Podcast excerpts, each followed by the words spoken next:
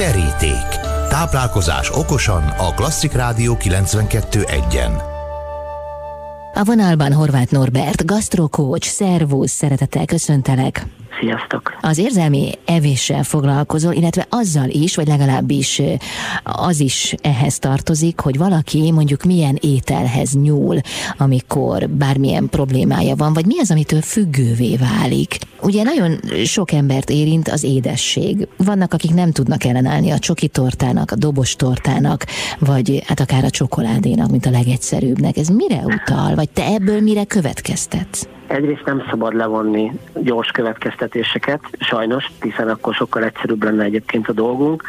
Azért alapvetően, hogyha ugye ez egy kiugró vagy egy megváltozó, megváltozó tulajdonságnál. Tehát, hogyha valaki mondjuk, nem tudom, egész felnőtt korában csokoládét eszik minden nap, és mondjuk rendszeresen, és nincs tőle problémája, nincs tőle baja, akkor ezt nem hiszem, hogy ez, ez, ez téma kell, hogy legyen.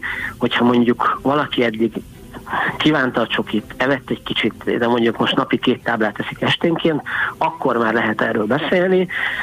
A csokoládé nagyon sok esetben attól válik izgalmassá, hogy egy nagyobb mennyiség fogyasztásakor flirt hormon termelődik, ami azt jelenti, társadalmi kísérlet gyaránt érdemes kipróbálni annak, akinek bírja így a szervezete, hogy két tábla csokit megeszel mondjuk három perc alatt.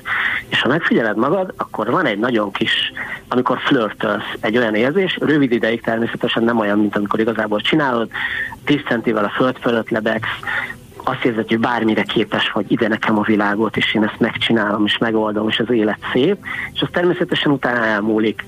Mindezt a gondolatot befejezve, hogyha csokiról van szó, akkor nagyon sok esetben valamilyen párkapcsolati kérdésről van szó. Tehát ez nem azt jelenti, hogy óriási probléma van, lehet, hogy csak ő egy, egy, egy mozdulatot, egy mondatot, egy félmondatot, egy arc vonást nem jól értelmezett mondjuk otthon, vagy ha például nincs párkapcsolat, de nagyon vágyik rá, akkor is lehetséges, tehát nem törvényszerű, lehetséges az, hogy például kiugró ez a, ez a csoki fogyasztás.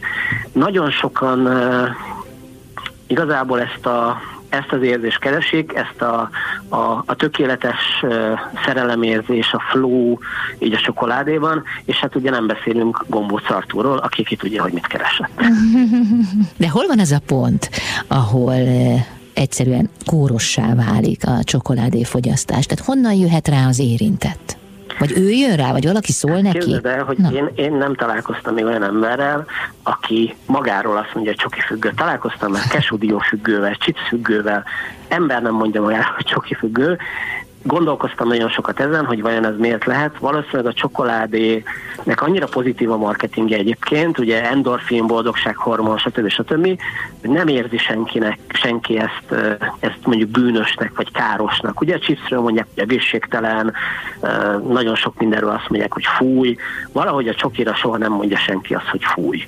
És természetesen nem is kell ezt mondani, tehát nem azt mondom, én is nagyon szeretem a csokit, de egy függőség azt gondolom, hogyha étel, étel témáról beszélünk, egy függőség akkor, akkor függőség, hogyha ártalmas valakinek, és, és ezt ugye nagyjából, hogyha felnőtt emberről beszélünk, akkor mindig az egyén tudja megállapítani önmagáról, hogy ez most ártalmas neki, vagy nem ártalmas, hiszen saját maga iránt felel.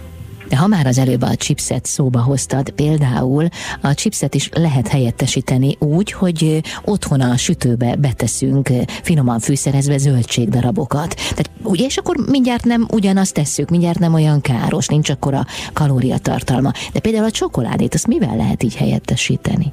Hát lehet, hogy egy táplálkozási szakértőt lehet most megkérdezni ebben az ügyben. Az a tapasztalat egyébként, hogyha te keresel egy alternatív, ám de egészségesebb verziót az érzelmi evésed kibontakoztatására, akkor abból az egészségesből sokkal többet eszel. Uh-huh. És nagyjából ugyanott vagy, mint ahol voltál az egészségtelennel.